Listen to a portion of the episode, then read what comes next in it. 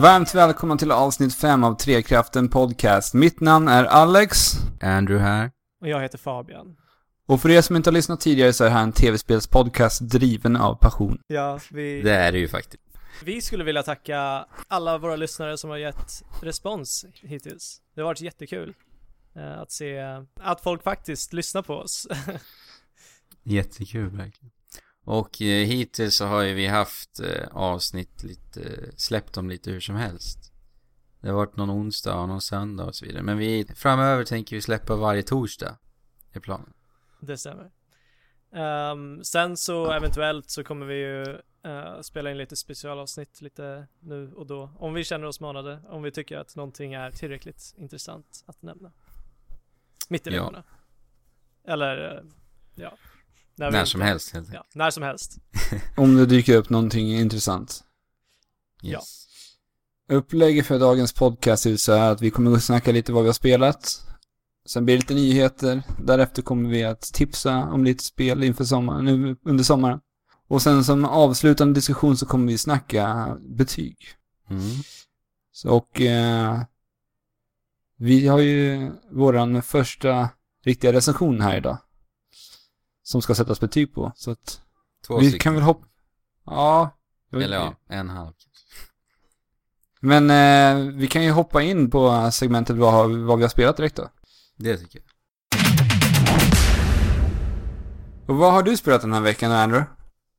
Jag har spelat Yoshi's Little Woolly World. Aha. Och vad är Yoshi's Little Woolly Woolly World för någonting?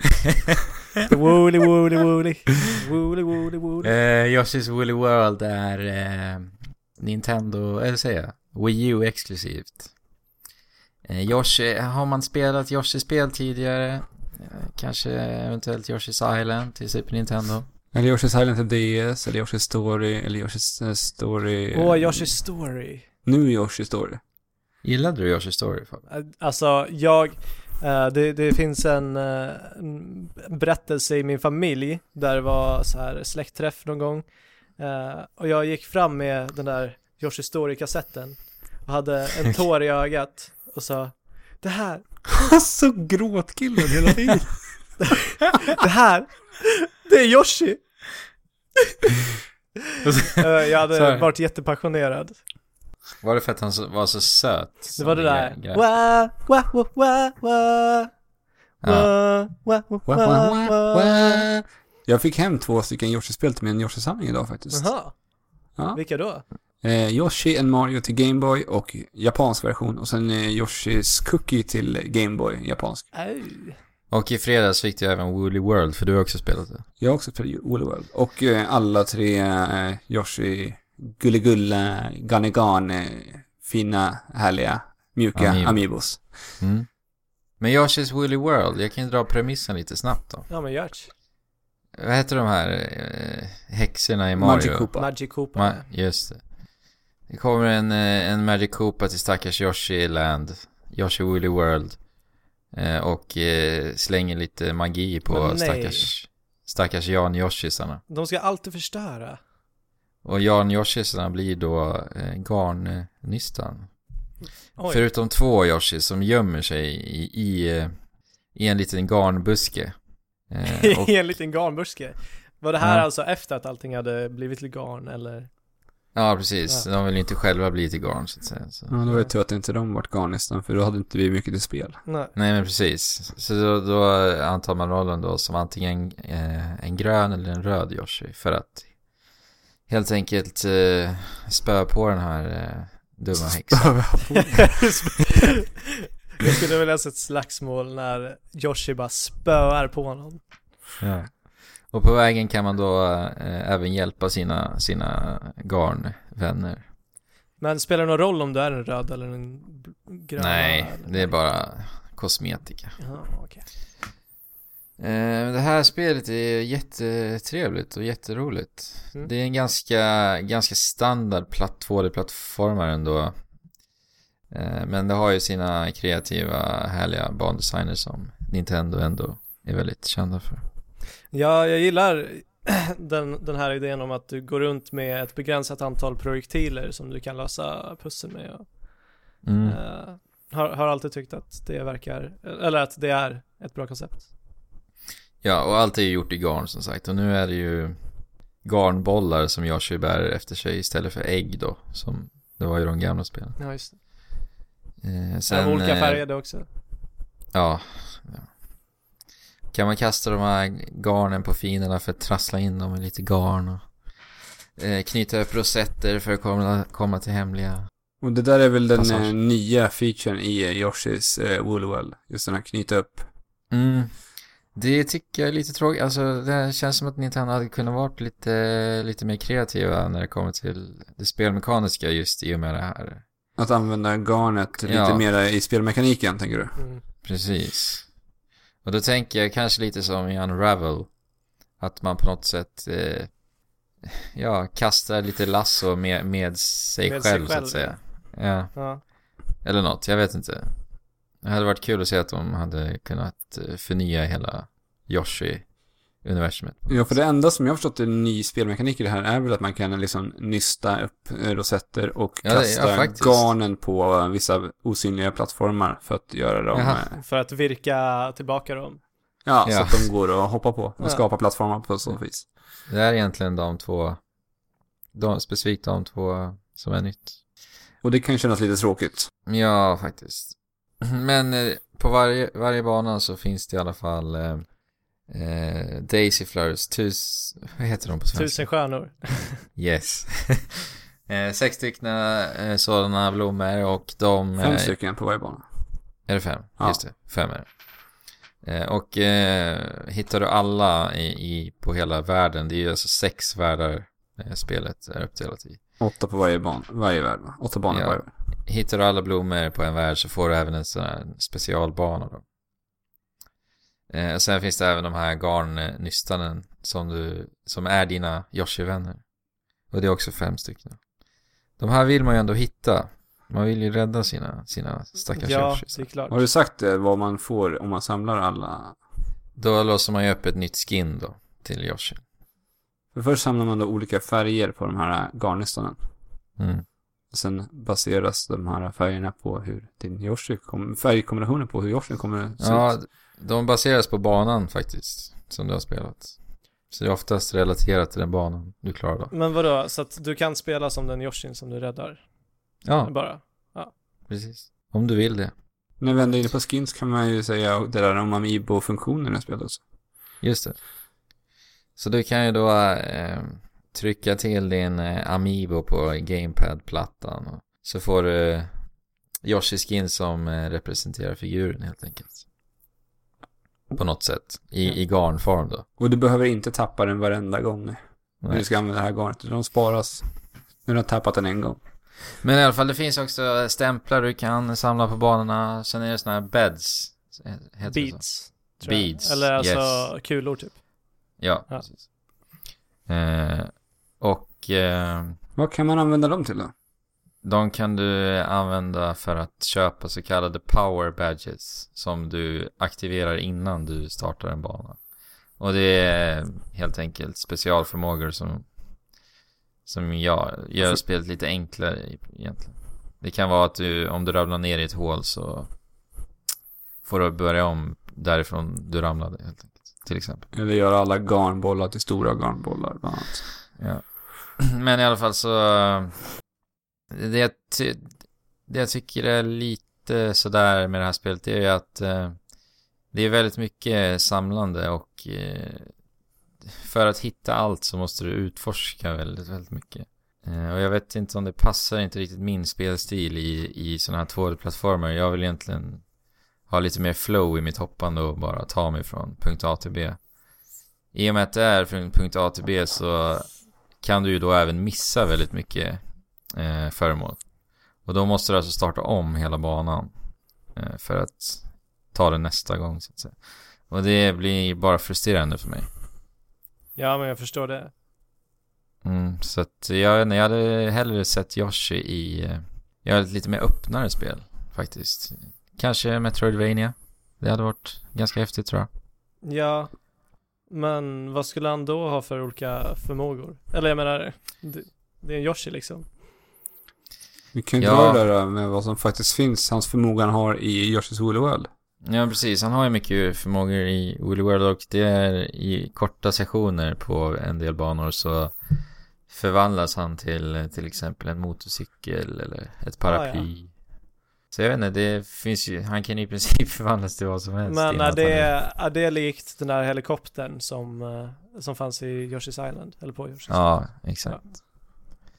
Så jag vet inte, det hade varit ganska häftigt tror jag. Men ja, jag ska ju nämna musiken också. Oh. Fabian, du grät ju lite. Ja, jag kom hem från jobbet uh, här om kvällen och var helt slutkörd. Och Andrew sitter på sitt rum och spelar det här och jag klampar in och bara hör musiken, ser den, ser den fantastiska eh, designen och, och Andrew visar mig alla ljud som Yoshi gör när han sätter sig ner, när han... eh, när han Bam! ja, alla sådana där fantastiska ljud och jag kunde inte hålla tillbaka tårarna. Nej, nej alltså musiken är verkligen jättefin. Sägas ska ju också att Fabian är en rätt känslig kille när det kommer till tårarna. Ja men just, Men för- just nu var jag som sagt helt slutkörd eh, också så att mina emotionella eh, barriärer var helt nedbrutna. Det måste ju varit helt fantastiskt var- att komma hem till Yoshi. Ja, alltså jag, jag kände att jag bara kunde lägga mig på plats och dö. Men Yoshi faktiskt eh, sken upp min Ja. kväll där.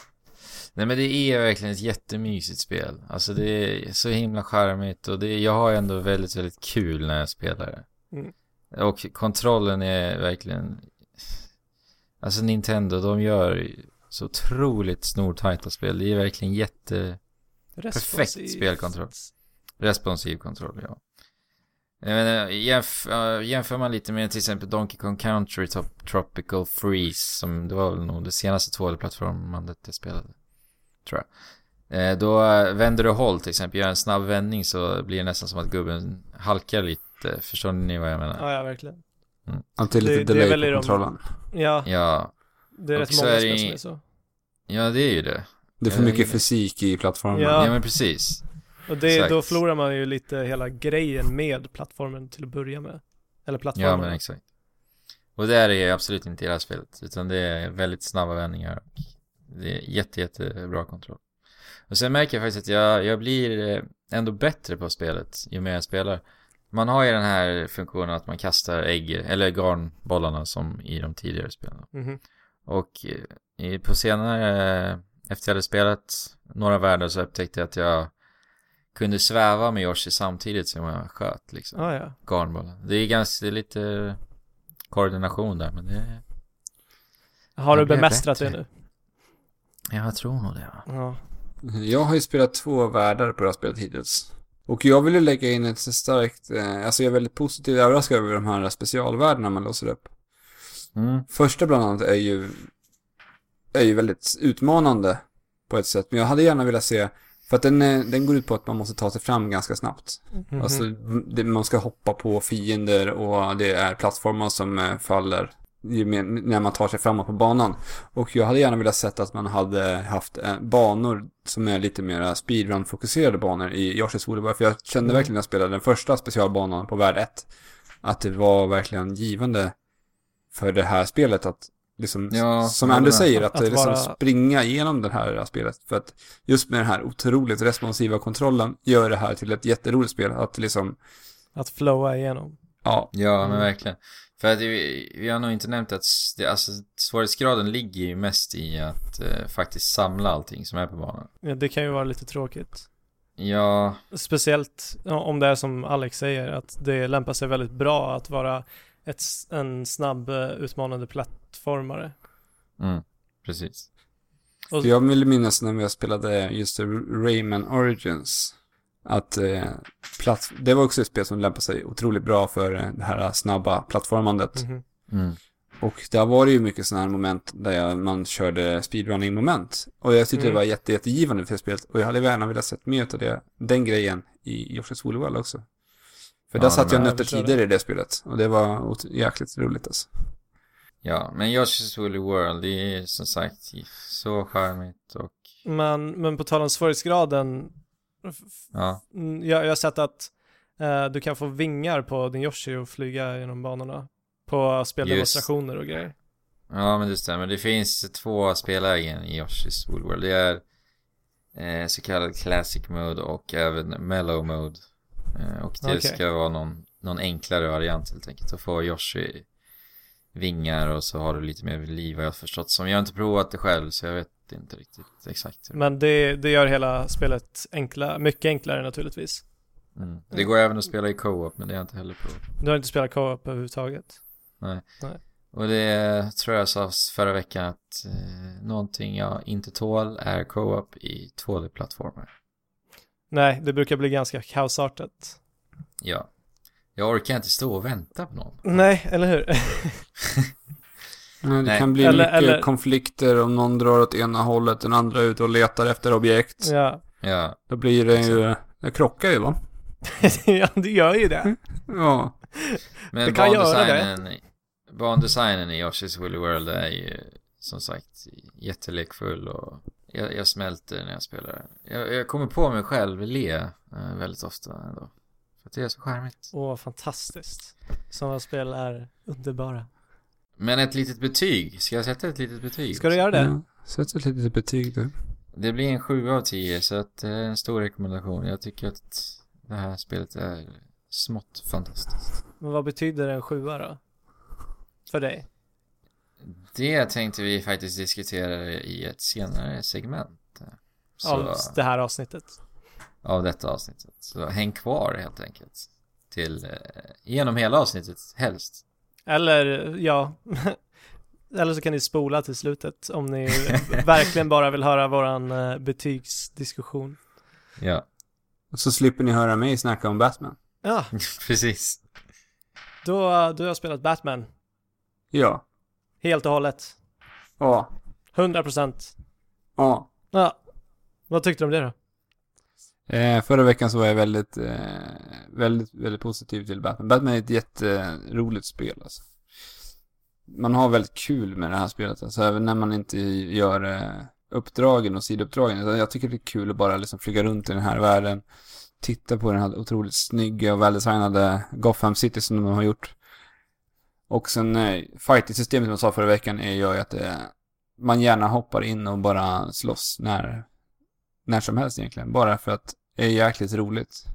Och det här är också ett sånt spel som man känner verkligen att man blir mycket bättre på ju mer man spelar det. Man får in mycket snits på i det här stridssystemet. Men eh, jag drog ju lite premissen förra veckan vad det här spelet handlar om. Att eh, Scarecrow har spridit, hotat med att sprida ut den här gasen i Gotham City som har gjort att eh, Commissioner Gordon har skickat ut alla ifrån Gotham City. Just det. Det är inte julafton den här gången. Nej. Eller vad det var.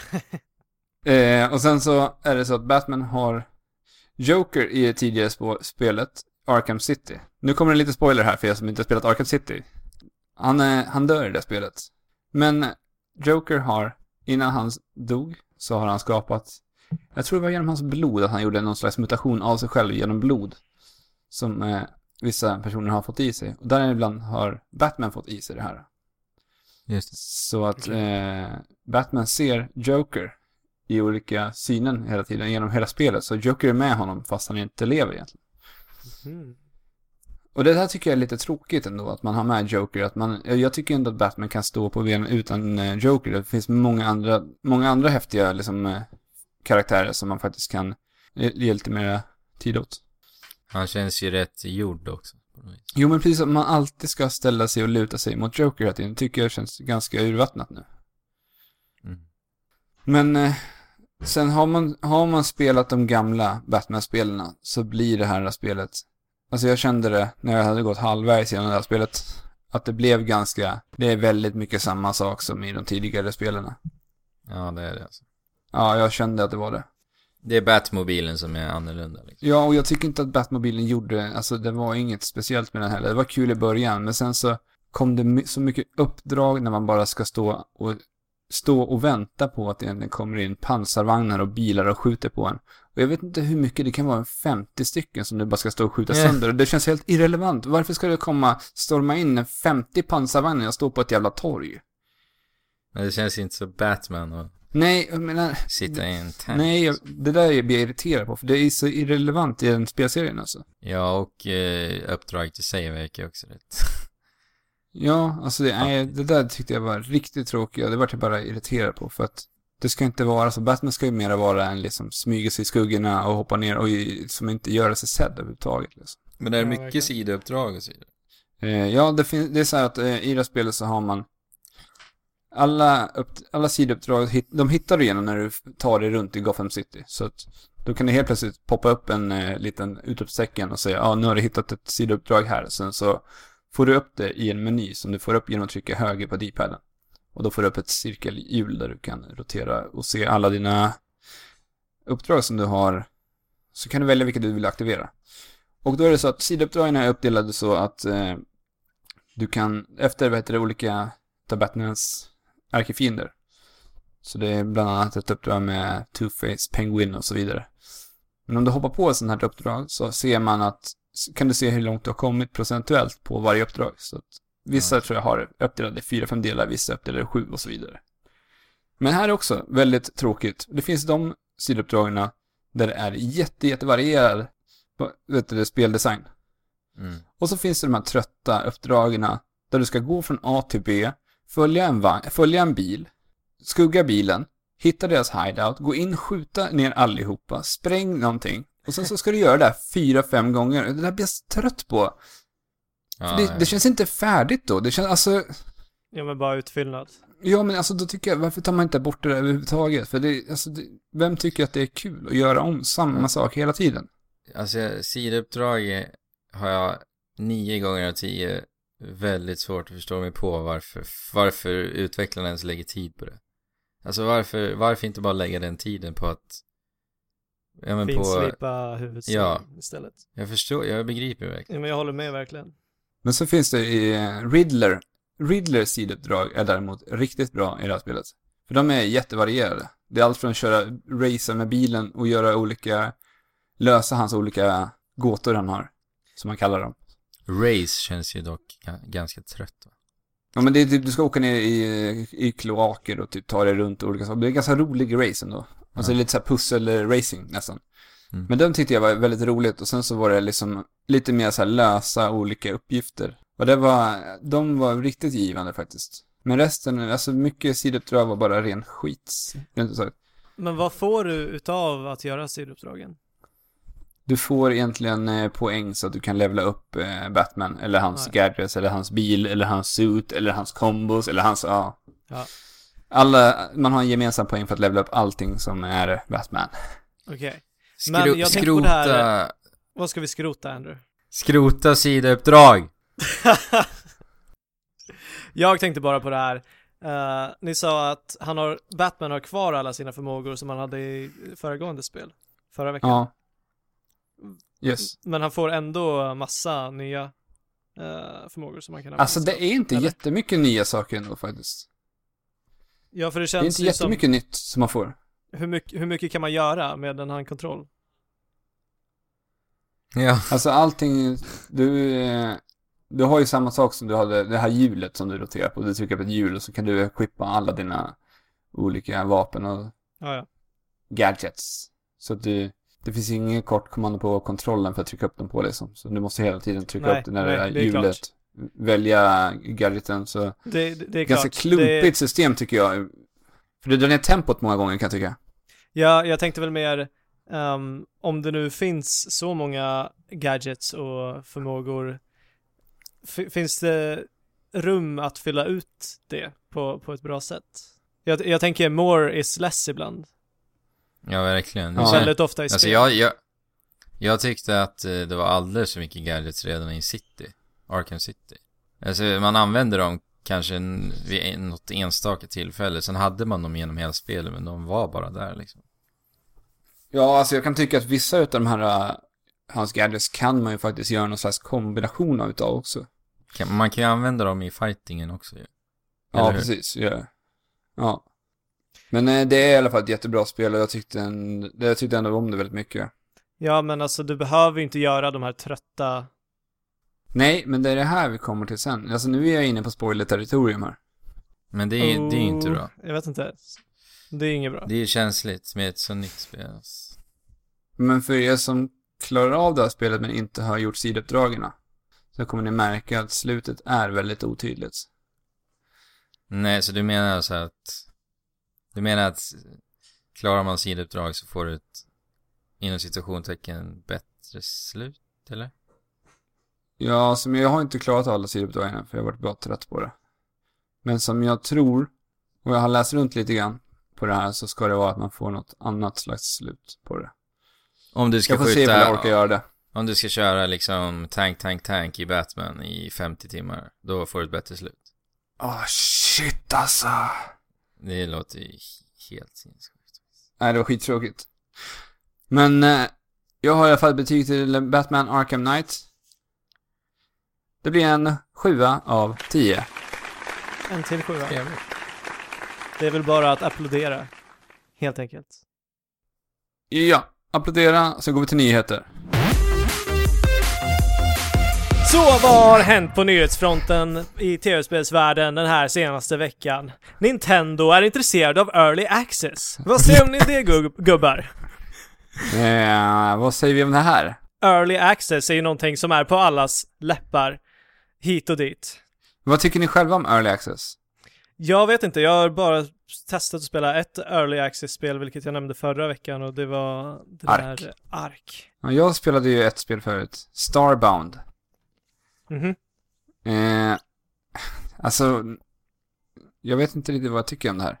För att Alltså, det, det, det är så många spel, alltså det känns som att många utnyttjar det här äh, konceptet, early access. Alltså att man släpper ett trasigt spel för att få spelarna att känna sig liksom delaktiga i processen på något Absolut. sätt. Och sen så liksom, nej jag vet inte. Många stannar ju upp liksom i utvecklingen också, har man sett. Ja, det, det känns ju så i alla fall, att det tar så mycket längre tid än det annars skulle göra. Ja, precis. Alltså, Och- liksom, de tar bara pengarna sen bara, "Ah, men nu är, de spelar ju nöjda så att eh, Ja, Det blir men- klart när det blir ja, klart. jag vet inte. Jag kan väl tycka att det kan få finnas för de som är intresserade liksom. Absolut, men att Nintendo gör det här är ju ganska konstigt eftersom att de jag skulle inte kunna tänka mig att spela ett trasigt Nintendo-spel Ja, Deras spel är ju alltid extremt polerade. Ja, jag menar va- varför ska de då ha det? När de inte behöver det, de är så pass kompetenta. Mm. ja, det känns ju bara helt onödigt egentligen. Ja, verkligen. eh, de ser väl att det finns pengar att göra i det liksom. Ja, Men vi jag får Jag, se vad jag, det... jag har svårt ja. att se vad för typ av spel det skulle vara också. Ja, Nästa Mario sa- saknar en helt eh, blank värld, springer runt. Nu får ni testa ni riktiga HD Mario. Springa runt där i en blank värld. fast, märkligt. ja, det, det skulle förstöra hela den, hela Nintendo-upplevelsen. Ja, verkligen. Alltså, hållet. Så är det ju. Men på tal om Nintendo. Mm. Så har ju även Miyamoto, eh, har ju fått reda på nu då, att han har dragit sig tillbaka i arbetet med Nintendos nästa hemmakonsol som eh, de kallar för NX. Så att han kommer inte vara med i utvecklingen Nej. alls. Nej.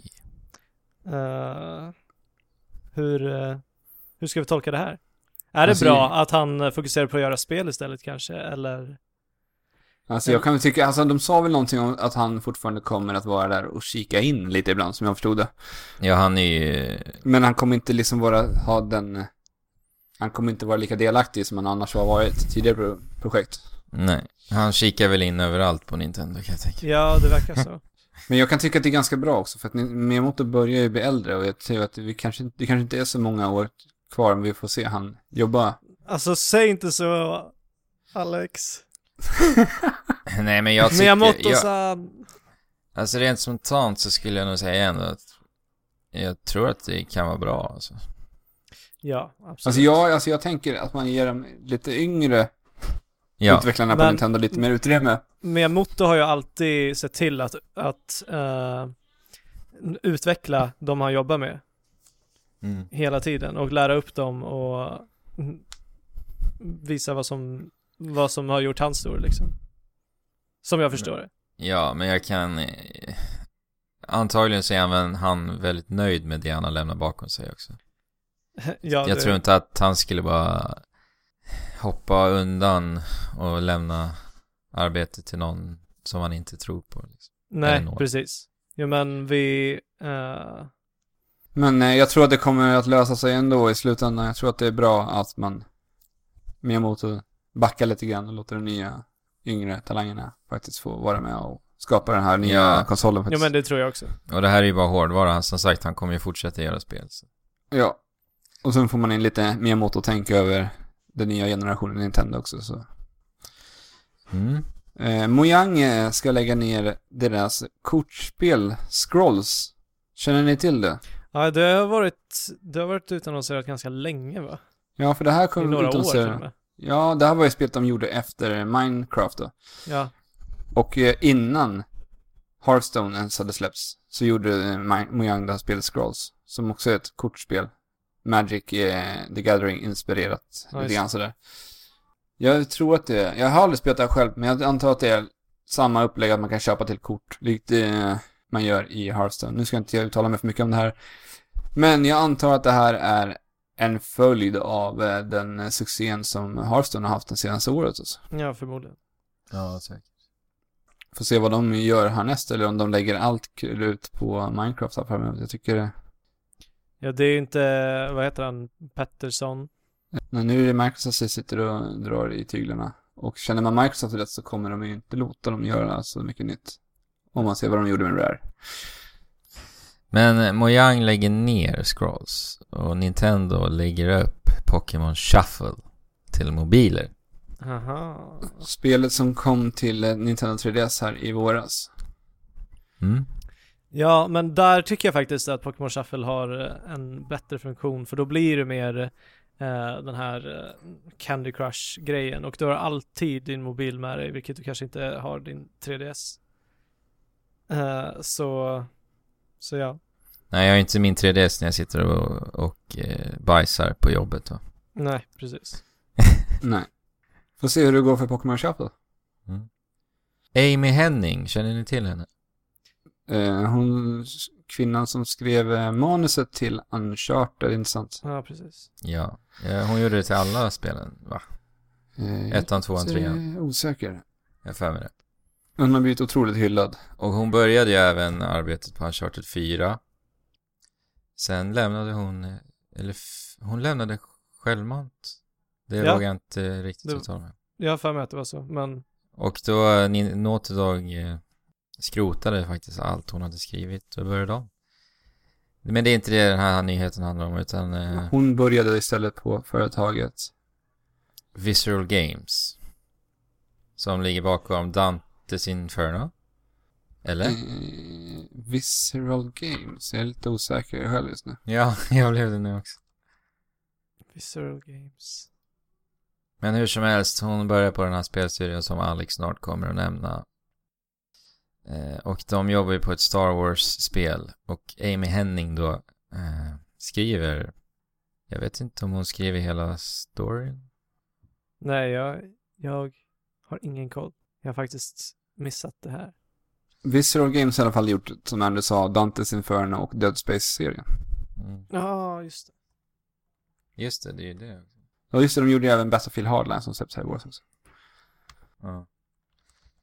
Men nu har det kommit lite rykten om att det Star Wars-spelet då kommer att vara väldigt Uncharted-inspirerat. Och det är ju ganska intressant tycker jag. Alltså att släppa ett till Star Wars-spel där det är lite mer fo- story-fokuserat jämfört med hur eh, Battlefront kommer bli. Det här kommer bli väldigt mycket mer cinematiskt än, eh, än vad någon, något annat spel som vi spelat i Star Wars-serien också. Förmodligen. Om det nu är Uncharted-inspirerat. Ja, om man inte tittar på uh, Old Republic i och för sig innan, som uh, Bioware satt Du, du menar, du menar online-spelet? Ja, jag har inte spelat det. Men det har jag förstått att det är väl, väldigt så. Väldigt mycket story. Ja visst, men det, det blir inte det här äventyrs Nej, absolut inte. som, som jag kanske syftar på lite. Men ja, vi får väl se mer om det när det, när det lider sig. Väldigt spännande måste jag säga. Mm. Mm. Det håller vi i ögonen på. Ja. Ska vi gå och uh, rasta snoken? Vi tar paus. You gotta know what matters, baby. You have to see that I'm not out to get you. You must have known I was hot when I met you. You have to see that I'm not out to get you. You must have known I was hot when I met you.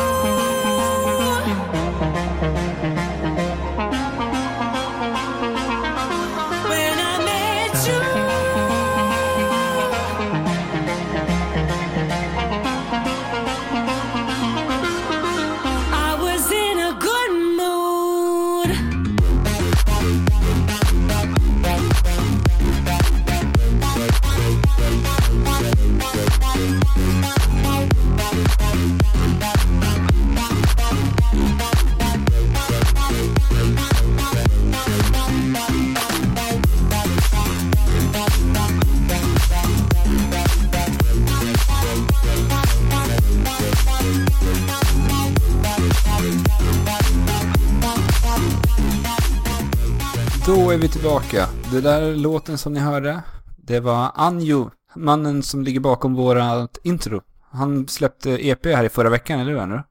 Yes. Och låten heter alltså Good Mood. Och eh, vokalisten i den här låten är faktiskt en av mina gamla goda vänner, Lovisa. Hon har en riktigt fantastisk röst och Ja, det är jag helt börjar löjligt. nästan gråta varje gång jag hör henne. Som du alltid gör. Gråter Nej, inte alltid. Nu gråter jag inte. alltså? Eh, Jo, lite nej. efter den där fantastiska låten. Jättebra. Eh, vi tänkte här i sommarvärmen eh, tipsa om lite spel att eh, spela under sommaren, som vi gillar att spela under sommaren. Så lite personliga favoriter typ. Ja, jag kan ju tycka att det är ganska tråkigt att stänga in sig eh, i sitt mörka lilla rum medan solen skiner eh, ute och du hör barn skratta och Gräsklipparna går och... dofterna bara väller in genom det öppna fönstret. Som bara kallar ut dig. Kom! Kom och njut av mig! Säger vädret. Och Men jag tycker också att det kan vara mysigt i huvudet efter en sommardag. Man har varit ute hela långa dagen och man är trött och så kommer man hem, sätter sig i soffan tillsammans och spelar något trevligt spel framför tvn. Med Alltså, öppet fönster en sommarkväll. Absolut. Jag älskar sommarnätterna. Jag var exempelvis nu i natt ute nästan hela natten för att det var så otroligt bra natt. Dagarna är ju också fantastiska. Ja, jag är Sommaren är ett fan- större fantastisk. fan av sommarnätter och sommarkvällar också. Och jag menar, det känns lite som att det, det är bara några få månader då det är så fantastiskt. Eh, där du kan gå ute i t-shirt och det är fortfarande ljust hela nätterna, men enda skillnaden är att gatorna är tomma och allt, allt bakgrundsbrus som, blir, som är i vardagen bara mm, skiner med sin frånvaro. Nu myser du iväg. Ja, Vi ska snacka spel ju. spel som vi kan spela. Ja, men det, det, det ligger någonting i det du säger Fabian, men... eh, Men det är just därför vi ska ta upp de här sommarspelen som faktiskt lämpar sig lite bättre än eh, de vanliga spelen. Spel du helt enkelt kan ta med dig när du är ute på den här nattäventyret. Äh, äventyret. Eller? Ja, ja exempelvis. Eh, eller som du kan ta med dig ut på trädgården, in i solstolen och sitta och mysa med. Eller på eh, sommarresan, på roadtrippen med Jag tror att polarna. de har eller fattat familjen. grejen. Eller, eller på middag. eller när man käkar glass. Eller när man eh, sitter... Eh, När du drar ut med båten, det får vi inte glömma. Vilket utdraget segment, segment det här blir alltså. Ja. vi Förlåt, går in på låt oss vad börja. vi... Ja, vi, vi börjar. Men du Alex, du verkar taggad på att vilja börja så att Jag vad har kan, du för tips? jag kan eh, dra av ett eh, iPhone-tips direkt. Ett spel till Mm. iOS. Jag vet inte om det finns i Android också. Eh, Monument Valley. Oh, Har ni spelat det? jag har spelat. nej, eller jag har spelat lite. Men... Eh, jag brukar ju annars inte tycka om att spela så mycket på tele- mobiltelefoner. Nej, usch. Jag tycker att det är ganska dålig kontroll och det är... Det ger mig inte mycket. Men Monument Valley är i alla fall ett spel Som, eh, om ni känner till konceptet av eh, Captain Toad. Alltså, man roterar en, som en kub. Och sen har man en karaktär som ska gå runt på en... Eh, vad ska man säga? Det är På som ett en, monument. eh, ja, Eller? precis. Ja, och så går man runt på... Ja, det är olika. Men det här spelet eh, mm, leker väl med perspektiven? Ja, precis. Det jag skulle komma till. Men. Mm. Så man eh, pusslar ihop olika, beroende på hur man har roterat den här kuben, så korsar vägarna i den här, för de är uppbyggda av kuber, hela vägarna man går på. Och sen om man roterar den ur ett annat perspektiv så kan det hända att man går upp på den övre delen. Tänk dig om det är en kub. Den är uppbyggd på en kub, bara skelettet av en kub. Och då kan man rotera den så att man går från den nedre till den övre beroende på hur man placerar perspektivet på spelet. Är ni med på hur jag menar? Ja, alltså det är Eller, ganska jag svårt. vet ju, att, men det är jag vet ganska inte. svårt att förklara. Ja, det är väldigt svårt att förklara, men det är ett väldigt givande pusselspel och det är inte jättelångt och det kräver inte mycket för en att plocka upp det här och spela heller. jag, ett skulle, jätte, jättebra spel. Jag skulle sträcka mig och säga att det är det bästa mobilspelet som existerar. Har du spelat alla mobilspel? Som jag har spelat givetvis Fabian. Ja. Jag har ju inte spelat eh, över flera miljoner Har spel. du spelat Clash of Clans? eh, ja, jag tyckte det tog för lång tid så jag tyckte det var skittråkigt. Ja, nej, det suger. Men när vi ändå är inne på mobilspel så kan jag dra över till mobilspel en gång. Eh, en miljon, alltså i siffror. En miljon. Ja, alltså etta, Jaha. nolla, nolla, Jag trodde du skulle nolla, fortsätta nolla, nolla, nolla, nolla, vad blir det? Det är sex nollor. Men, Sex ja, nollor. Då drog jag för en, en nolla för mycket. mycket tror jag. Ja. Ja. Säg om det då. Etta, nolla, nolla, nolla, nolla, nolla, nolla. Där har En vi det. miljon, så heter spelet. Det är ett eh, pusselspel som har lite RPG-moment i sig. Mhm. Så det ska eh, likt, alltså det är här eh, tre i rad fast du drar inte på samma sätt. Så tänk dig att du har ett fält, spelplan, där allting är uppradat med massa kuber. Du har eh, ikoner som är svärd, Mm. de gör att du slår med svärdet. Du har ikoner som är hjärtan, vilket gör att du får liv. Du har nycklar för att öppna kister. Och du har en eh, trollstav för att göra, kasta magi med. Och eh, på övre delen av skärmen så ser du hela tiden din karaktär gåendes fram, framåt. Ah, ja. Och eh, då kan du möta fiender eller du kan möta kister. Så det gäller måste- till att du parar Oh. ihop de här. Men istället för att liksom byta plats på eh, två stycken eh, symboler så drar man hela den, den delen, hela den raden. Så om det ligger en horisontell rad så flyttar du hela den raden. Okej. Det låter väldigt intressant. För att jag tänkte direkt på ett spel som heter Glyph Quest, om jag inte missminner mig, som jag spelade ett tag eh, på iOS, som är lite samma koncept, men inte alls lika välutvecklat som det här verkar. Eh, Men- Det är verkligen ett spel jag kan rekommendera. Så kan du levla upp din eh, hälsa, din eh, attack damage. Och hela spelet går ut på att du ska samla en miljon poäng. Och sen har du klarat av spelet. ah, ja. Det låter ju faktiskt som ett ypperligt sommarspel. I mina Verkligen. öron. Och det har precis kommit ett nytt i det här spelserien också. Som heter eh, Build a Boat. Så det fortsätter ju på det här spelet. Ja, ja, ja, ja, ja, det var det ja. Så att, Coolt. eh, men det har jag inte gett mig på ännu. Det kanske blir årets sommarspel för min del. Man vet. Vi får se helt enkelt. Jag skulle kunna rekommendera ett spel jag pratade om tidigare faktiskt. Yoshi's Woolly World. Jag Det- sa det så. Eh, Det är väldigt lättillgängligt, du kan klara en bana lite, lite då och då. Och du... eh, Det är ju så fantastiskt fint och charmigt och gulligt och sitta där med kanske en glasskål, lite, lite frukt.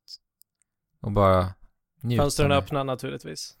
bara njuta med Yoshi och ha det, ha en, ha det, ha det trevligt. Men då måste jag fråga dig Andrew.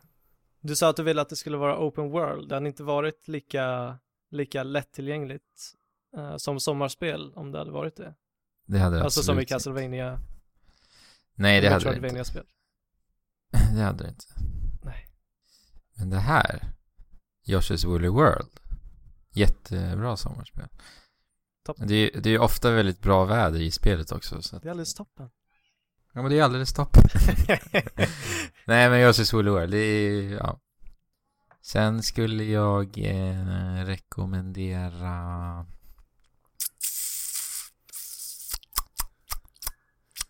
är för jävla ljud?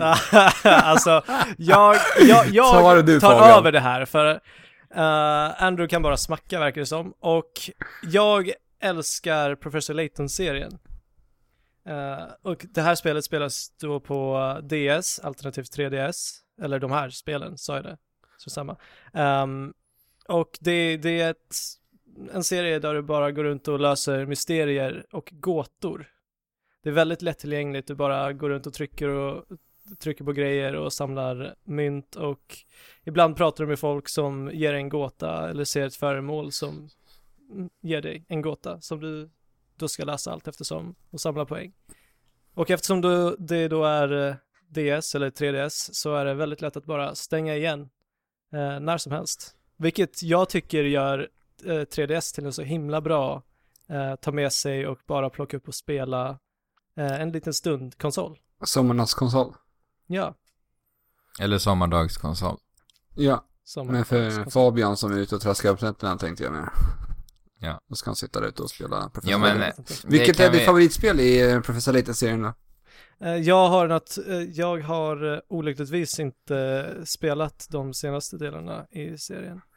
Eh, Det vill säga Men- 3DS-spelen eller? precis. Men eh, jag, jag måste nog säga första för att det var så himla konstigt. Eller det, det var så himla nytt. Uh, de andra känns det som att de, alltså det, det är lite samma grej liksom.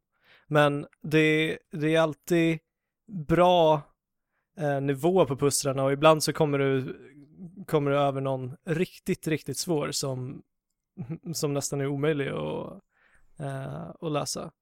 Men då finns det ju lyckligtvis hints som du kan låsa upp, men jag brukar försöka att absolut inte använda mig av hintsen för att det ska vara eh, så svårt som möjligt. Jag gillar ju att, att tänka på det här sättet. Utmaningen. Precis. Men eh, då blir det Professor Layton and the Curious Village som du tipsade om? Mm, ja, men, men eh, jag antar alla spel, som sagt. Alla Professor Layton. Även fast jag inte spelat dem. Nej, men det är väl samma, samma koncept på alla. som jag förstår det som. Har du smackat färdigt? Eh, Jag kan väl också säga Pokémon. ja. Jag tycker att Pokémon-spelen är jättetrevliga och lättillgängliga. Du, du, du tycker det? Man kan ju även spela eh, mot varandra i de här nya spelen. Mm, ja, det har väl alltid kunnat. Fast Sen Röd och Blå har vi kunnat göra det, fast eh, inte lika lättsamt som det är just idag. det, jag tänkte via wifi, men det går ju inte när man ligger på stranden. Nej. Fast, fast kanske kan, inte- Du kan ju göra ett trådlöst ju. Ja, det funkar ju Du behöver trådlöst inte wifi. konsolerna. Ja, just det, just det. Så det, är- det Nej, är men- jättebra. ja. Eh, Jag vet jag, Pokémon känns ju... Ganska givet. För, för min del, i alla fall. Uh, Monster Hunter funkar ju också riktigt bra. Att bara ta med sig och plocka upp, köra ett quest och sen stänga ner igen och ta ett dopp. Eller käka, käka en glass. Ja, det, det är faktiskt väldigt bra på det sättet. Du behöver inte, även fast det är ett väldigt stort och maffigt spel så behöver du inte lägga ner jättemycket tid på det heller. Nej, Mitt så det kallade- det Vilket jag jag kan tycker, tycka är väldigt behagligt med Monster Hunter. Ja, jag tycker att det är behagligt framför allt att det är på, på 3DS. Eh, för att det är så himla lätt att stänga igen. Om, om jag hade behövt starta, starta min konsol varje gång jag skulle spela det så hade jag nog inte varit lika taggad. Så eh, att man kan stänga igen 3DSen till för mycket till. Alltså, för, jag, jag det är en väldigt bra förmåga den här konsolen har alltså. Man kan stänga igen den alltså. Men ja, och bara Vilken pausa feature vad som det är. helst. Det är inte det här Mom, you can't pause eh, in the middle of a fight. Men Fabian, nu kan du fråga, faktiskt det. Föredrar att stänga igen 3DSen eller trycka på eh, lockknappen på en vita? Jag vet faktiskt inte. Det, tänk dig en iPhone. Så är vita. Den är alltid i viloläge liksom. Men eh, då funkar det lika bra. Mm. Tänk om du, men, om men, tänkte om men själva någon- känslan av att Exakt. eh, stänga ner den är ju, alltså det är, Nu är jag färdig liksom. ja. För den här lilla stunden. Men sen är det jättelätt att bara plocka upp den och fika upp den. Men självklart så ska Vitan inte få mindre cred för att den har en, inte har två skärmar liksom. Men är det något ljud, något klickljud du kanske tycker om? men jag vet inte. Alltså det är säkert lite betingat här och där, men ja. Men eh, när du ändå snackar lite om PS Vita kan jag bara riva av ett PS Vita-tips också. Som jag tycker alla med Vita borde testa. Inte för att det är så många som har en Vita. Eller? Eller? Aj. Eh, Tearaway. Spelet som utvecklades av Media Molecule. Ja, det kommer ju även till Playstation 4 i höst faktiskt. Ja. Mm. Eh, ett jättetrevligt litet eh, plattformsspel. Också väldigt lättillgängligt och mysigt och eh, jättehärligt. Och det använder faktiskt kameran på PS Vita så att den gör att man själv är med i spelet. Man är solen i det här spelet. Mm. Vilket blir himla, ja, det blir väldigt gulligt med de här små figurerna som studsar runt. Eh, man är en pappfigur som går runt i en värld gjord utav papper. Men premissen är väl att man ska leverera ett kuvert som är Till sig Eh, själv. gubben till sig själv, ja, precis. Ja, precis. Jättemysigt. Mm. Ja, jag tycker det ser jättefint ut. Men jag har inte fått tillfälle att spela det. Olyckligtvis. Men jag tänker på sommarspel så här. Ehm, det kom för en herrans ma- massa år sedan ett spel som heter Boktai, The Sun is in your hand, till Game Boy Advance var det va? Som utvecklade Ja, Hideo det stämmer Kojima. nog. Det stämmer nog. Var det Advance? Ja. Och det Ja, var väl inte ja men det var det nog. Det var inte DS, nej. Nej, nej det var det inte. Eh, där, där du alltså samlade upp kraft genom att hålla upp eh, din Gameboy då mot solen. Den Så- hade några solceller på sig. Ja, det var, det var, det var någon eh, sol, ja någon sollens på eh, själva, vad heter det, the game Pack. Kassetten. kassetten. Kassetten. Eh, och då när du behövde kraft från den så bara höjde du upp den mot solen och det förutsätter ju att du är i solen också. Jag vet inte om det funkar med lampor och så. Men jag tänker, det, det har inte kommit något sånt vågat spel, vad jag vet, sen, sen dess. Kanske bara blev gimmick-artat. Ja men li, lite så är det ju, men alltså, man, skulle, vi skulle kunna bygga vidare på, på något liknande koncept, speciellt nu när du inte ens behöver ha någon speciell solcell, utan det, det skulle kunna funka genom kamerorna på, Ja, exakt. Ja. Det, det kom faktiskt en uppföljare till Boktai också. som, som hade samma mm, sol, solpremiss, Ja. eller solfunktion. Ja, precis. Solar Boy Django hette tvåan. Ja, ja. Var det, var det några bra spel eller? Jag spelade inte dem faktiskt. Inte jag heller. Men jag var väldigt intresserad när jag var liten och såg dem i, i mina Mm. speltidningar. Ja. Men mitt sommarspel, det kommer ju faktiskt bli Monst- Monster Hunter. Jag ska köpa det, jag ska beställa det direkt nu när vi har poddat klart tänkt. Ja, då kan vi äntligen börja spöa monster. Ja, Hunter. Monster och Hunter. Monster och Hunter. så det kanske blir Ja. vårt gemensamma sommarspel helt enkelt. Har vi några mer sommarspelstips då? Jag vet inte. eh, jag, jag, jag kom, jag bara spontant, Triforce Heroes. Kommer ju vara ett ganska bra roadtrip-spel. Att spela när det väl men kommer. nästa sommar. Så vi, helt enkelt, det släpps ju i höst, är det planerat. Så köp det inte då, utan vänta till nästa sommar helt enkelt. Och sen om ni lyssnade på det här avsnittet 2016 så kan ni spela Triforce Heroes då. Nu ja, då. Ja, Ja. nu. Ja. Nu. Då. Ja. Men eh, det, vi kan väl ändå säga att eh, 3DS på något sätt är väl kanske ultimat eh, eh, för den här årstiden. Och att lättillgängliga spel framför allt. Alltså, Pick up and play. pick up and play. ja. Ja. Ja visst, och om ni lyssnare där ute har några eh, självklara spel som vi inte har nämnt så får ni gärna höra av er till oss. För det är ju som sagt lite jobbigt. Vi behöver mig- också tips. Vad är det som är jobbigt Andrew? Ja, men när jag ska sätta mig och spela The Witcher 3 och jag hör som sagt de här barnen skrika utanför. Och Fåglarna. I, i ren lycka liksom. Ja. Det, Så ska du sätta dig ner i en mörk, brutal fantasyvärld. och samtidigt får jag ett pling i telefonen. Volleyboll? Frågetecken. Ja. Det är jobbigt alltså. Men oftast blir det volleyboll. Ja. Och sen lite glass och öppna fönster Men det är för att Witcher 3 inte är ett optimalt sommarspel, Precis. helt enkelt. Så Där att, har vi det. så att CD Projekt, ni skulle väntat med det till, eh, till hösten. Fast de har ju sålt i fyra miljoner tror jag sist jag kollade. Ja, men de kanske hade sålt ännu mer. Om det inte var... Mot, mot Fallout 4 tror jag det. Eller, nej, kanske inte. Men nu, ja, nej. Vi får se. Ska vi röra oss vidare mot eh, sista avslutande diskussion? Betygssnack! Vad är betyg? Dra premissen för den här diskussionen Fabian. Vad är betyg för oss? Ja, jag kan tycka att Det är en siffra.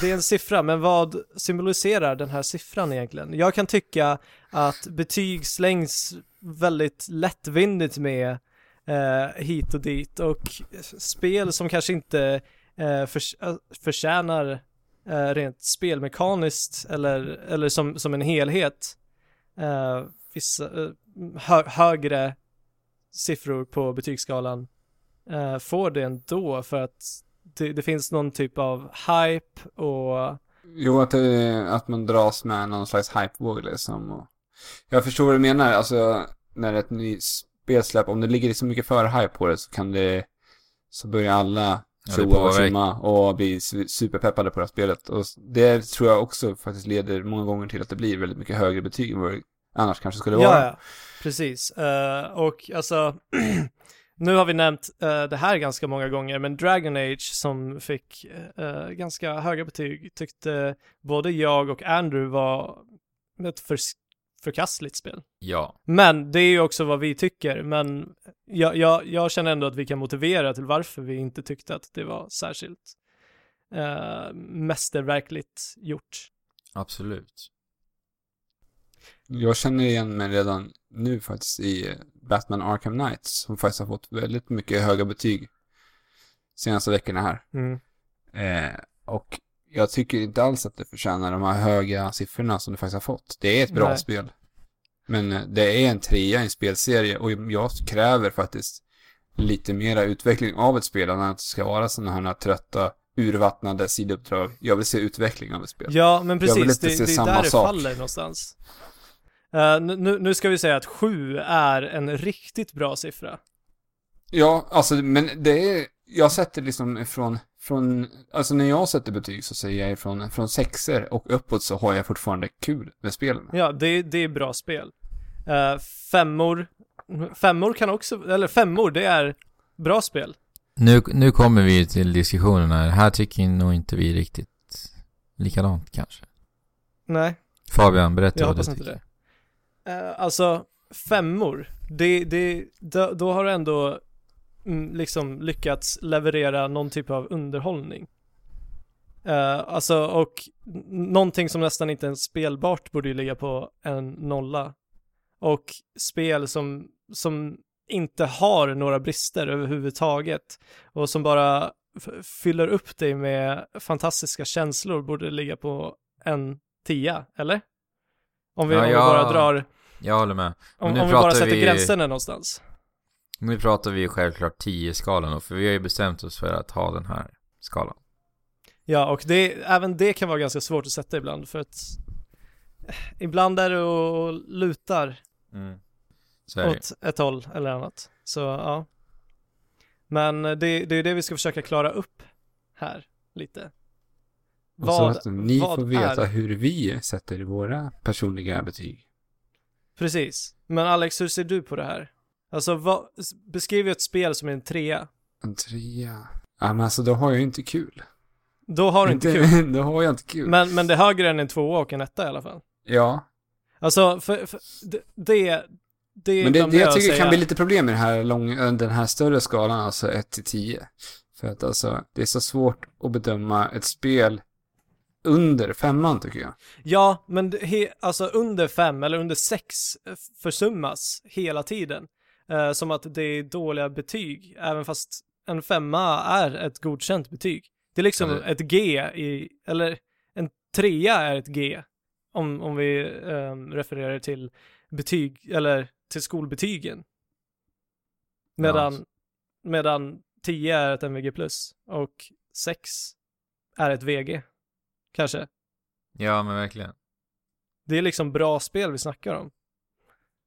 Det blir ju någon, någon slags norm att, eh, Jo men be- betygsinflation skulle jag säga. ja.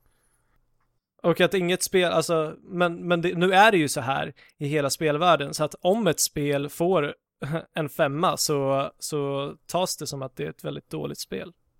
Ja. Medan det kan vara, som sagt, ett godkänt spel. Ett till och med över medelspel. Ja, verkligen. Alltså jag tänker, på min skala så tänker jag nästan att det är från sexor och uppåt. Där det är, där har jag kul med det. Och, och femmer då? Ja, För- för Ja men din- där är det nästan att, eh, nej jag vet inte, nästan att jag slutar spela alltså. men då, då spelar det ingenting Men det är under fem. fortfarande, ja, det är fortfarande större och väger liksom där på. Jo men jag har ju inte, Jo men fyra, tre, två, ett. ja där har jag ju inte kul när jag spelar. Ja men jag menar, Ja, men bo, borde inte du- den gränsen ligga snarare på två då? exakt. Vilken då? Att Snarare. ha kul? Att du, att du inte har kul med spelet? För annars blir ju liksom fyra, tre, två, ett helt orelevant. Om du inte ens vill spela spelen. Liksom. Ja men jag menar, för det är ju hela syftet med spelet, att du ska vilja spela det. Alltså jag tänker att det, mest, det vanligaste är väl att man splittar upp det i mitten liksom på 10-skalan och bara tänker att mitten är godkänt, det under är un, icke godkänt liksom. Det är bara en sån här självklar grej man har gjort liksom. Ja, det är, Och det är ju väl så definitivt jag- så i spelvärlden och har varit eh, så, så, länge, så länge jag har varit, eller så länge jag läst recensioner och absolut. Det blir liksom ointressant att eh, ens... Ja men spel som får under, under fem. Men Det- därför så kan jag tycka nästan att femskalan är bättre på det sättet. Ja. För den blir lite mer tydlig nästan. Visst, men, men då eh, har vi inte de här eh, små fin, uh, sa, finsakerna, finlirret, fin, Finjusteringarna. Fin, eh, fingertoppskänslan, liksom. Fast Eh, vad det som gör det klockrent mellan 8, 9, 10, Fast behövs där det det då ligger egentligen? i toppen. Jag för vet mig, inte om jag för tycker mig det behövs behövs. det. Ja, jag skulle också säga det. Jag tycker inte att det behövs alltså. Men för att verkligen visa vad, vad, ett, vad jag tycker är mästerverk och så vidare, så tror, tycker jag att det behövs. Ja, alltså ett, ett exempel, The Last of Us. Fruktansvärt bra spel. Det ja. tror jag vi alla håller med om. Ja. Eh, det cinematiska var helt fantastiskt, men jag, jag kunde ändå känna att i, i själva spelet så blev det väldigt eh, repetitivt och ointressant och jag, jag ville egentligen bara många gånger spela igenom eller, eller komma förbi det för att avancera i storyn. Ja. Och det är inte riktigt acceptabelt i en 10, 9, kanske inte ens en 8. Nej. Alltså jag kan ändå tycka, jag, jag skulle Men- ge ett... Ja, Men- fortsätt Fabian. Ja, nej, men eh, där, där det spelet verkligen skiner så kompenserar det en ganska, eller ganska mycket, så jag skulle ändå sätta en 8 på det. Men, men det är absolut inte högre.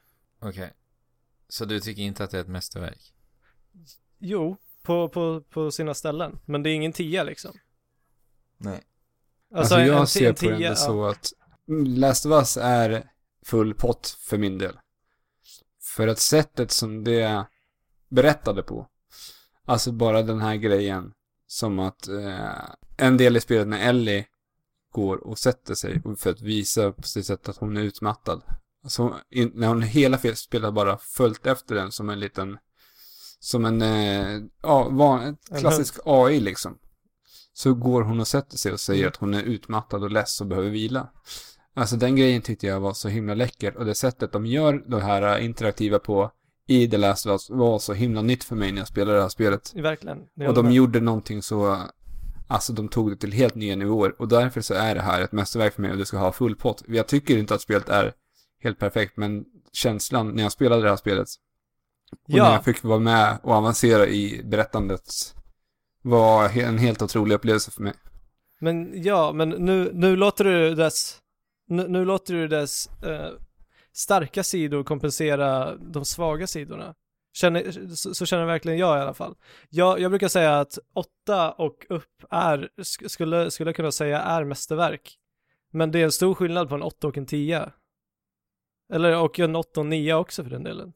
För min, för min del skulle nog mästerverk ligga på 9 10 i alla fall. 8 så är det extremt bra liksom. Mm.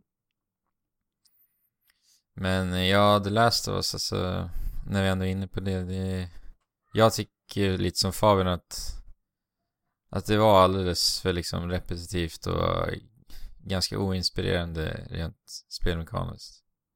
Alltså, jag, för mig själv så tänker jag att riktigt, riktigt bra spel, alltså 9-10 för mig, är mästerverk som sagt, det är spel där jag har hela tiden, varenda sekund, har roligt med spelet. Och det är ju väldigt sällsynt. Ja. Jag brukar ofta se det på så här att när jag spelar ett bra spel så brukar jag oftast vakna väldigt tidigt på morgonen och känna ett sug för att spela ett spel. Och det är lite min måttstock för att veta när jag spelar ett bra spel. Så nu när jag spelat Arkham Knight de första kvällarna så har jag vaknat tidigt på morgonen och gått upp och satt mig och spelat det första jag gör på morgonen. Och det gör jag väldigt sällan om jag inte tycker att ett spel är riktigt, riktigt bra. Mm. Och det är ganska kul för det blir liksom ett sätt för mig att veta att ja, men det, här är, det här är ett jävligt bra spel alltså. Ja, absolut. Men sen så finns det väldigt många facetter på vad bra är. En, en, enligt mig, än en gång, vi ska inte, vi ska inte eh, upprepa oss alldeles för mycket. Men s- som sagt, det en sjua är ett riktigt bra spel. En sexa är också ett, ett väldigt bra spel. För mig. Ja, jag håller med. Vad, vad ville vi få ut av det här snacket? Det var väl att på något sätt gemensamt eh, Komma fram till eh, någonting om hur vi hur vi ska... hur, hur vi ska betygsätta. Men jag menar, ni, får, ni får väl se Alex betygsättningar på ett annat sätt än vad du ser på mitt. Och på ett Mm. annat sätt än vad du ser på Andrews. Du som lyssnare. Att om jag hade till exempel spelat The Last of Us idag, nu när det har kommit andra spel som gör berättande på liknande sätt. Hade jag spelat det för första gången idag så kanske min upplevelse, eller mitt betyg, inte hade alls sett Nej, likadant ut. Självklart, vi måste alltid det bedöma just- det efter vart, vart det kommer ifrån. Ocarina of Time är inte ett så bra spel eh, idag som det var när det kom, men det håller sig fortfarande. Men det var helt makalöst när det kom. Och då, Mm. då ska det bedömas efter, efter det, naturligtvis. Det, det ser jag som underförstått. Så jag vet ju verkligen att mitt betyg om jag hade spelat idag skulle ha blivit annorlunda än den där tian som jag faktiskt skulle ha satt när jag väl spelat, när jag spelade då när det lanserades. Ja, men så, sådana saker kan du absolut ta, ta med i beräkningen. Men nu har jag, i och med den här podden, så har jag börjat få ett mycket mer analytiskt öga över spelen jag spelar. Jag har märkt det redan nu efter några veckor med den här podden. Att jag försöker se lite mer på skavankerna i det spel jag spelar. Lite mer, alltså, du, du menar att och, du var... alltså, det är jag missnöjd med liksom. Och vad, vad gör ett eh, spel bra? Vad gör det mindre bra? Och som jag hittade, som jag störde mig på, är just i Batman liksom. Ja. Det, det är en väldigt positiv utveckling. Ja, alltså det är ju, det blir kul, roligt att spela på ett annat vis, att sitta och analysera det på ett annat sätt än man har gjort tidigare. Mm. För nu spelar vi ändå också för ett syfte för att kunna prata med er lyssnare också. Ja, precis. Ja, men absolut. Jag lägger, jag, jag vet inte om jag lägger märke till mer, men jag lägger mer på minnet när jag spelar numera. Känns det som. Att, att så här, det, det här skulle jag vilja, det här skulle jag vilja ta upp Ja, snarare. precis. Än, än är- att låta det bara, ah, än att bara säga, ja ah, det här var, det här var riktigt soft. Och sen fortsätta. Typ. Ja, exakt. Man eh, eh, noterar mer. Ja. Lite mer observant. Har vi kommit till något resultat av det här lilla betygssnacket? Eller ska vi låta det vara så som det är? Alla tycker olika, det vet vi i alla fall. Ja, ja. Ja. Men, Eh, eh, man kan men så inte är det. alltid Så är det i komma världen. överens. Nej, ja precis, så är det ju. Men eh, då vet ni lyssnare i alla fall hur vi kommer att betygsätta i framtiden. Ja, så att ni får väl eh, gå tillbaka och använda det här som ett facit om det skulle behövas någon gång. Eller så kan vi skriva ut det någonstans kanske. Eh, Vi ser vad vi gör. Ni kanske inte är dugg intresserade av det vi snackar om heller. nej, kanske inte. Men vi är inte väldigt intresserade av vad ni tycker. Hur bedömer ni att ett spel är bra? Vad, vad är ett mästerverk? Vad är inte? Skicka Låt. in eh, till oss. Prata med oss. Maila oss. Skriv till oss på Facebook. Låt era tankar flöda genom era fingrar och skriv massa mail till oss så, så att vi får veta vad ni tycker där ute. Trekraftenpodd at gmail.com kan ni nå oss på. Och sen finns vi på Facebook där vi heter Trekraften Podcast. Det stämmer? Vi finns på Instagram, Trekraften Podd på Instagram. Det stämmer? Vi finns på Wordpress där vi heter trekraftenpodd.wordpress.com. Japp. Har jag missat någonting? Uh, jag tror inte det. Men på vår Wordpress-sida så, så uh, finns det en flik där ni kan gå in och kolla vart vi, vad vi har för gamer tags eh, eller gamer IDs på olika plattformar. Uh, där hittar ni också vår Instagram och Facebook och våra mail och så vidare. Och sen kan vi påpeka att vi har fått vår första iTunes-recension. Det vore jättekul ifall vi kunde få eh, flera recensioner på iTunes. Ja, det hade vi väldigt mycket uppskattat. Den här recensionen, vem, vem var det som skrev den? Joel Biter tror jag heter. Joel Bitar, så var det. Eh, vad tyckte han? Han tyckte väl att vi var lite oförberedda. Ostrukturerade.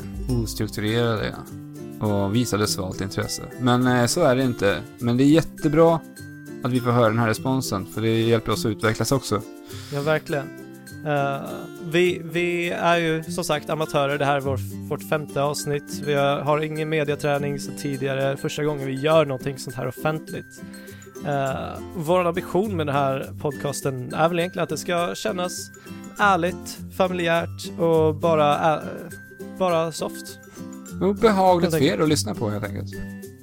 Så, men som sagt, som vi sa alldeles nyss, alla tycker olika. Så vi ska kunna försöka göra lite ändringar för att alla ska bli nöjda. Ja, Så länge ni ger oss kritiken och riktlinjerna. Eh, men jag måste bara fråga dig Fabian, kommer du spela något nästa vecka? Jag hopp till nästa vecka. Ja. Det är min ambition. Vad blir det då? Eh, Så att lyssnarna har någonting att se fram emot. jag ska försöka spela ut The Witcher en gång för alla. Eh, annars så har jag faktiskt ingenting nytt att spela och jag, jag, jag är jätte- jätteledsen. Kanske, ja. Så är det. Så är det nu. Men du då Alex? Eh, jag väntar på att få hem mitt Puyo Puyo Tetris som jag Oh. beställt från Japan. Det första egentligen så riktigt, eh, riktigt exklusiva spel för Japan. Utav att få. Som har kommit. Det kommer vara till- spännande att höra om. Ja, det ska bli jättekul. Och sen har jag även, eh, väntar jag även på att få hem det här Guilty Gear X som har släppts i Japan och USA hittills. Ah, ja. Eh, Arc Interactives eh, fighting-spel tror jag de heter. Arc Interactive. De som har gjort eh, Blaze Blue och eh, Mm, ja, alla Guilty Gear-spel. Så ja, det blir förmodligen lite pusselspel, lite fighting. Till nästa vecka. Det låter bra. Spännande. Eh, Andrew, kommer du spela någonting till nästa, nästa vecka? Eh, Jag kommer klara av Yoshi, men det tror jag kommer göra idag kanske. Sen eh, ska vi spela med The Witcher och eh, Smash Bros. Och du skulle ju faktiskt beställa Monster Hunter redan Just det, nu ikväll. får se om jag hinner med det. Men eh, jag och Fabian tänkte eh, ge vårt slutgiltiga betyg till Witcher eh, inom någon framtid. Så att Fabian, både du och jag får ju ligga i lite på den fronten. Vi får Ska vi- ligga i och hoppas att vi kan säga något slutgiltigt om det till nästa vecka. Ja, då hörs vi nästa vecka. Det gör vi. Ha det så bra lyssnarna. Spela på, var er själva, älska er själva, älska folk omkring er, Uh, ge komplimanger så mycket ni bara kan, tänk positivt, var inte dumma.